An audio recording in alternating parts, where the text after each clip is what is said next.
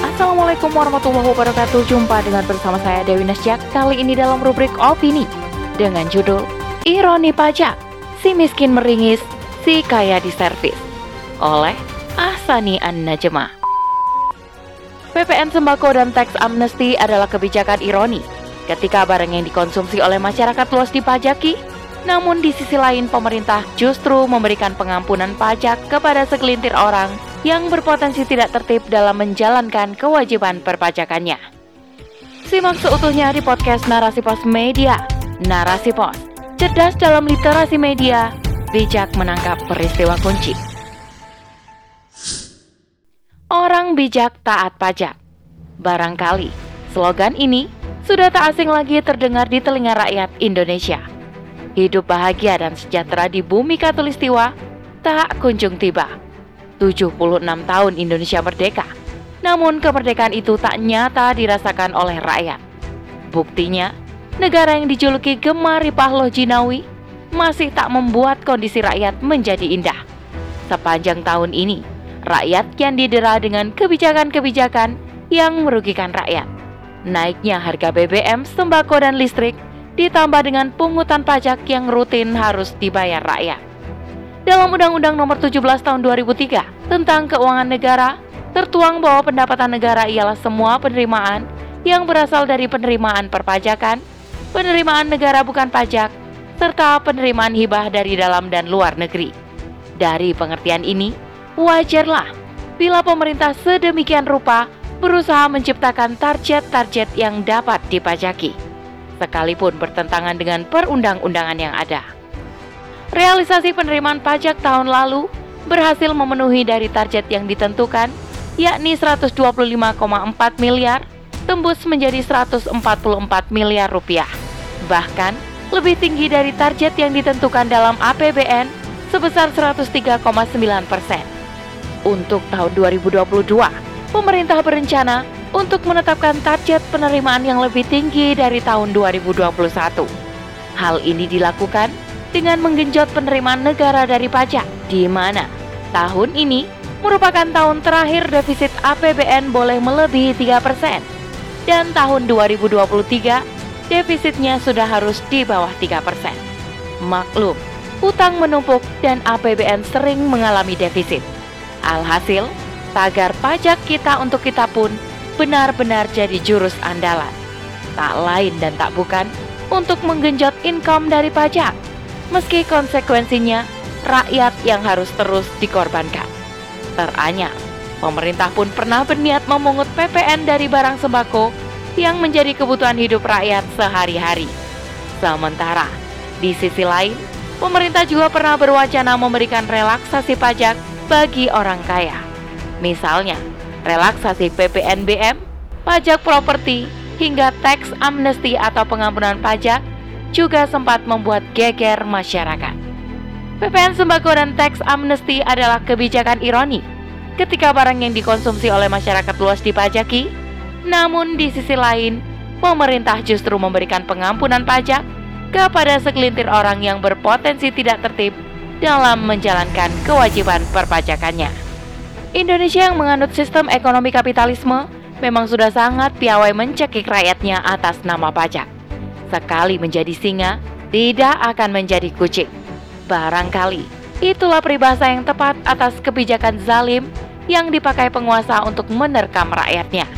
Demi memenuhi target penerimaan pajak yang tinggi, pemerintah memberikan strategi di antaranya dengan menaikkan beberapa jenis pajak seperti tarif pajak pertambahan nilai atau PPN, PPH, dan tarif cukai rokok atau cukai hasil tembakau atau CHT. Tercatat, penerimaan pajak negara hingga April tahun ini mencapai 567,69 triliun, hampir 50% dari target penerimaan APBN.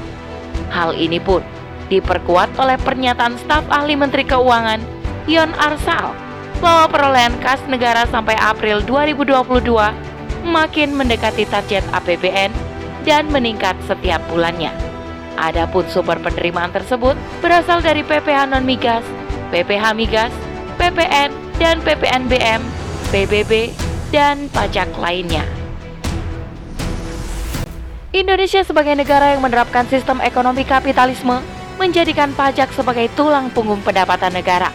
Bila kas negara mengalami defisit, maka secara otomatis pemerintah akan membuat kebijakan baru atau max higher profit dari pajak. Mirisnya, proporsi penerimaan dari pajak umumnya ditarget jauh lebih tinggi dibanding dari pendapatan negara dari non-pajak. Demikianlah di negeri ini, berbagai hal mesti akan dijadikan objek pajak. Bukannya meringankan, justru pemerintah makin kreatif menciptakan varian baru pajak untuk memeras rakyat hingga tetes terakhir keringat. Maka wajar jika rakyat bertanya-tanya, sebetulnya kebijakan pajak ini menguntungkan siapa? Jangan-jangan pemerintah memang berpikir tentang apa lagi yang dapat diperas dari rakyatnya. Karena yang paling mudah ternyata adalah pajak. Ketidakmandirian dalam mengelola sumber-sumber pendapatan selain dari pajak dan utang menjadikan rakyat sebagai sasaran empuk untuk membiayai belanja negara. Ironis, Indonesia yang dikenal kaya sumber daya alamnya tak seharusnya menjadikan pajak sebagai alat pemeras rakyat di berbagai sektor. Negara bernafaskan paham kapitalis sekuler, merelakan para investor asing mengelola kekayaan SDA dengan bebasnya, membiarkan mengisap kaum yang lemah dan tak berdaya, tak mengiraukan nasib rakyat karena kepentingan mereka menjadi prioritas tertinggi. Pemangku kekuasaan membuat kebijakan-kebijakan yang justru melanggengkan aktivitas mereka di Indonesia. Mudahnya para cukong berinvestasi mengelola SDA di Indonesia menandakan keberpihakan penguasa dan negara terhadap mereka. Fatalnya, negara kehilangan pos-pos pemasukan yang depositnya besar, sehingga wajar untuk membiayai infrastruktur atau menutupi defisitnya belanja negara diperoleh dengan cara berutang kepada Bank Dunia. Kemudian, pembayaran utang yang berbunga kelak dibebankan kepada rakyat dengan mekanisme pajak. Sungguh zalim. Sistem Islam memiliki Baitul Mal sebagai pos yang dikhususkan untuk semua pemasukan atau pengeluaran harta yang menjadi hak kaum muslim. Adapun sumber-sumber pendapatan negara yang diterima oleh Baitul Mal cukup banyak. Selain dari sumber daya alam yakni dari fai, ghanimah, anfal, kharaj, jizyah, dan pemasukan dari hak milik umum dengan berbagai macam bentuknya di antaranya pemasukan dari hak milik negara, usyur, humus, rikas, tambang, serta harta zakat yang ada ketetapan khusus untuk pengelolaannya. Sehingga sumber pemasukan yang banyak inilah sejatinya negara memiliki kekayaan untuk menyejahterakan rakyatnya. Negara tidak perlu terjerumus dalam utang dan riba yang menjerat, apalagi mencekik rakyat dengan pajak. Dalam sistem Islam, pajak disebut doribah. Syariat telah mengklasifikasikan kebutuhan-kebutuhan umat menjadi dua, yaitu kebutuhan-kebutuhan yang difardukan atas baitul mal untuk sumber-sumber pendapatan tetapnya, dan kebutuhan-kebutuhan yang difardukan atas kaum muslim sehingga negara diberi hak untuk mengambil harta mereka dalam rangka memenuhi kebutuhan tersebut. Dengan demikian, pajak atau doribah memang diniscayakan, tetapi tidak dalam setiap keadaan, melainkan diberlakukan ketika keadaannya darurat, saat Baitul Mal tidak mampu memenuhi kebutuhan negara yang mendesak, seperti jihad dan bencana alam. Doribah ini hanya dipungut kepada muslim yang kaya saja dan tak dijadikan sumber utama atau tulang punggung penerimaan Baitul Mal. Bila khalifah memungut pajak tidak sesuai ketentuan syariat, apalagi menzalimi rakyat, maka hukumnya haram. Rasulullah Shallallahu Alaihi Wasallam bersabda, tidak akan masuk surga orang-orang yang memungut pajak secara zalim. Hadis riwayat Abu Dawud. Memang tidak mudah mengubah keadaan hari ini menjadi sesuai dengan Islam. Mengingat sistem yang diadopsi negara saat ini bukanlah sistem Islam.